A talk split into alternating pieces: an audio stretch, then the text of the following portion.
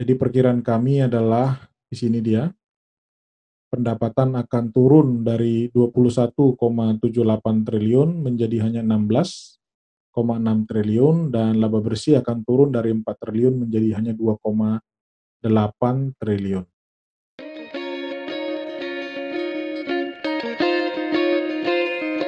Halo, apa kabar semua? Salam investasi, yo yo yo.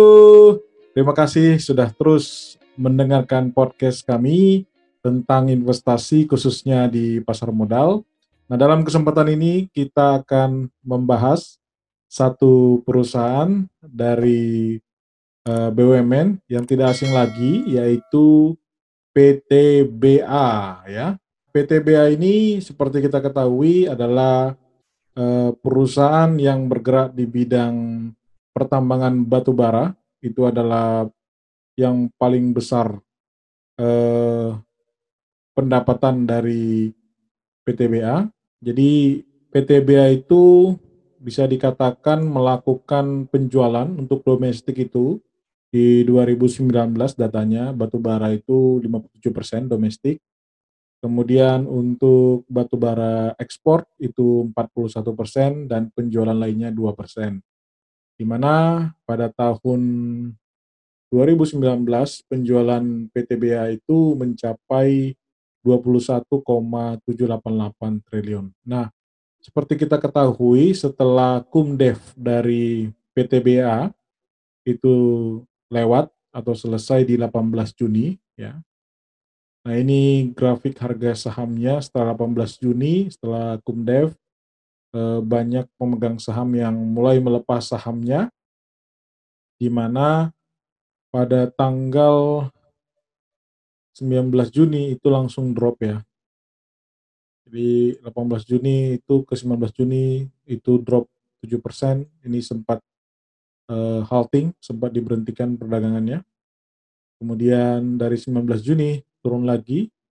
Jadi kalau total dari penutupan 18 Juni, itu penurunan saham PTBA sudah mencapai minus 15,1 persen. Apakah ini harga terendah PTBA selama setahun? Belum, belum. Jadi PTBA itu sebenarnya pernah turun sampai e, di bawah 1.500, jadi 1.485 pada 18 Maret 2020. Oke, uh, banyak yang bertanya apakah saat ini PTBA sudah murah atau sudah terdiskon dan bagaimana prospek kinerja dari PTBA di tahun 2020 ini. Jadi sebenarnya perusahaan ataupun manajemen sudah mengeluarkan uh, pernyataan kepada Bursa Efek Indonesia rilis secara resmi di mana yang pertama adalah perseroan PTBA Bukit Asam memang terganggu oleh COVID-19. Jadi di sini sudah dinyatakan, namun tidak ada penghentian operasional atau pembatasan operasional di Bukit Asam. Sedangkan untuk jumlah karyawan tidak ada yang di PHK, bahkan kalau kita lihat per 1 per 31 Desember 2019 itu jumlah karyawan tetap dan tidak tetap malah meningkat ya malah meningkat di bulan sekitar bulan 4 ya. Jadi jumlah kawarnya, karyawannya malah meningkat sekitar 56 orang dibandingkan uh, akhir 2019 ya. Jadi malah ada kenaikan ya. Uh, ini dirilis sekitar Juni. Jadi sekitar enam bulan malah ada kenaikan karyawan sebesar 56 orang. Nah, Terus apakah ada penurunan dari 31 Maret 2020 atau 30 April 2020 dinyatakan bahwa ya akan ada penurunan dari pendapatan konsolidasi eh, selama kuartal pertama 2020 dibandingkan 2019 itu di bawah 25 persen. Sedangkan laba bersih itu diperkirakan akan turun 25 persen sampai 50 persen. Karena ada beban-beban yang mungkin dari PTBA dia berupa beban tetap yang tidak mudah untuk langsung dikurangi. Nah, tidak ada permasalahan hukum dan manajemen yakin semua kewajiban keuangan jangka pendek itu bisa diselesaikan. Nanti kita akan cek di laporan keuangan di kuartal pertama 2020. Tidak ada permasalahan hukum yang akan berdampak pada gugatan pilot ya. Dan e, manajemen akan berupaya untuk melakukan berbagai macam cara untuk efisiensi. Nah, ini yang sangat penting supaya net profit margin dari PTBA itu bisa di, tetap dijaga di atau di atas 10% dan manajemen berencana untuk mencari target market baru. Seperti yang kita ketahui bahwa semenjak pandemi COVID-19 sudah pasti ada penurunan dari permintaan, apalagi India sempat lockdown, Cina juga, sehingga yang mana kedua negara ini adalah dua negara yang paling banyak e, untuk ekspor. Memang secara domestik pun tentu akan ada e, berkurangnya juga e, permintaan karena kondisi juga makroekonomi Indonesia di kuartal pertama seperti kita ketahui prediksinya GDP 4,6 persen ternyata realnya adalah 2,97 persen. Jadi memang ada uh, penurunan dalam pertumbuhan ekonomi Indonesia sendiri. Sekarang kita lihat laporan keuangan PTBA di kuartal pertama 2020. Uh, eh, di sini kita pelan-pelan kita lihat ya. Nah kita masuk dulu dari kas. Nah ini ada peningkatan menjadi tujuh setengah triliun ya dari 4,7 triliun naik. Jumlah aset naik kurang lebih 1,7 triliun ya. Sedangkan liabilitas untuk yang jangka pendek ada penurunan. Sedangkan untuk jangka panjang itu ada kenaikan ya. Secara total dia ada kenaikan sekitar 130 miliar rupiah. Kalau kita ekstrak debt-nya saja, kita bisa lihat Excel di sini, saya sudah hitungkan. Untuk debt di 2020 itu sekitar 1,94 triliun. Jadi kalau kita hitung DER-nya, debt to equity ratio dari PTBA itu di angka 0,1. Jadi aman sekali ya. Karena biasanya kita mengambil di bawah 0,5 kali. Jadi untuk manajemen debt itu memang manajemen PTBA, direksi PTBA top bagus walaupun memang dibandingkan 2019 eh, itu debt-nya hanya 774 miliar, ada kenaikan signifikan, tapi memang masih di batas yang aman. Nah, setelah itu kita lihat ekuitas, tadi sudah ditunjukin juga di Excel-nya, 19,7 naik sekitar satu setengah triliun dibandingkan tahun lalu di 2019. Sedangkan pendapatan perusahaan itu turun dari 5,3 triliun menjadi 5,1 triliun atau sekitar turun minus 4 persen di sini. Kemudian laba usaha juga turun ya dari 1,4 triliun menjadi hanya 1 triliun.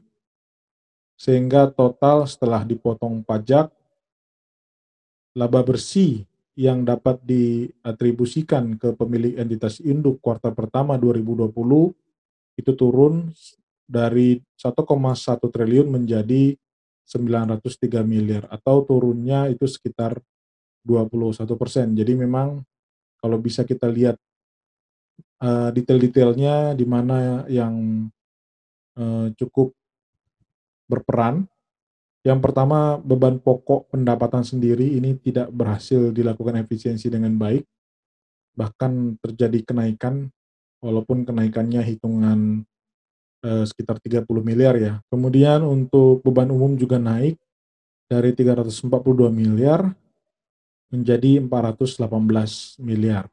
Ya, jadi memang dampak paling besarnya terutama pada beban pokok pendapatan yang malah dia naik dibandingkan dengan pendapatan yang turun tadi minus 4 persen sama beban umum di sini itu yang eh, sangat eh, memotong banyak laba bersih dari PTBA di kuartal pertama 2020.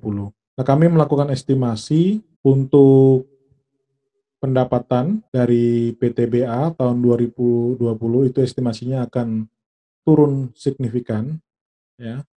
Turunnya sekitar 24% untuk pendapatan, sedangkan untuk laba bersih itu dia turunnya sebesar eh, 31%. Nah ini dia. Jadi pendapatan turun 24%, laba bersih turun 31%. Eh, mirip dengan asumsi atau perkiraan estimasi dari manajemen PTBA yang disampaikan kepada Bursa Efek Indonesia.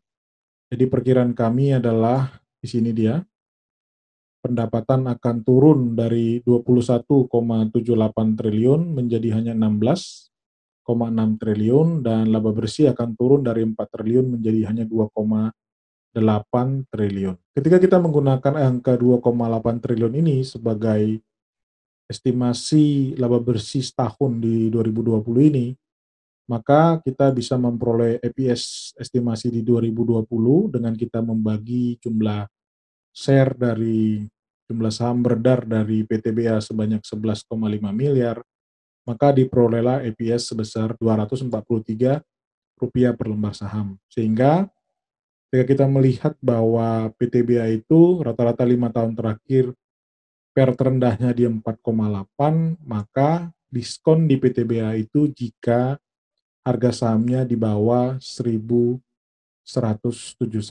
Jadi sekali lagi saya ulangi di bawah 1171 dan tergolong mahal kalau harga sahamnya di atas 2700.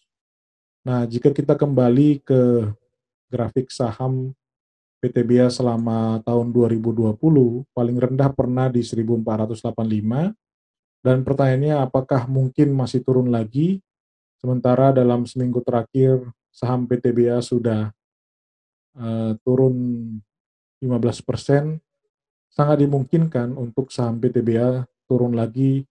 Setidaknya bahkan mungkin bisa lebih rendah dibandingkan di Maret tanggal 18 yang 1485. Seperti tulisan kami sebelumnya eh, di tentang PTBA, dengan judul di tagar.id dengan judul harga saham PTBA turun ke RP 2000 bagaimana prospeknya. Pada waktu itu kami menggunakan laporan eh, PTBA di 2019. Kami menyarankan pada waktu itu malah menggunakan P ratio di bawah 4 dan usahakan porsi Anda kalau Anda memang berminat untuk membeli porsi saham anda di sektor ini jangan terlalu besar, usahakan maksimal 10% saja dari total portofolio. Kalau memang Anda tidak mau mengambil resiko, ya sudah lupakan saham ini, gitu ya.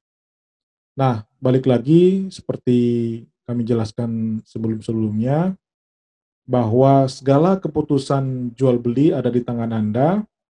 Kami memberikan edukasi untuk saham PTBA ini dengan harapan Anda memiliki bentuk atau model analisa yang biasanya dilakukan secara sederhana dan simple sehingga kita bisa menentukan apakah perusahaan itu layak untuk diinvestasikan atau tidak dan berapa harga diskon dan harga premium atau mahalnya.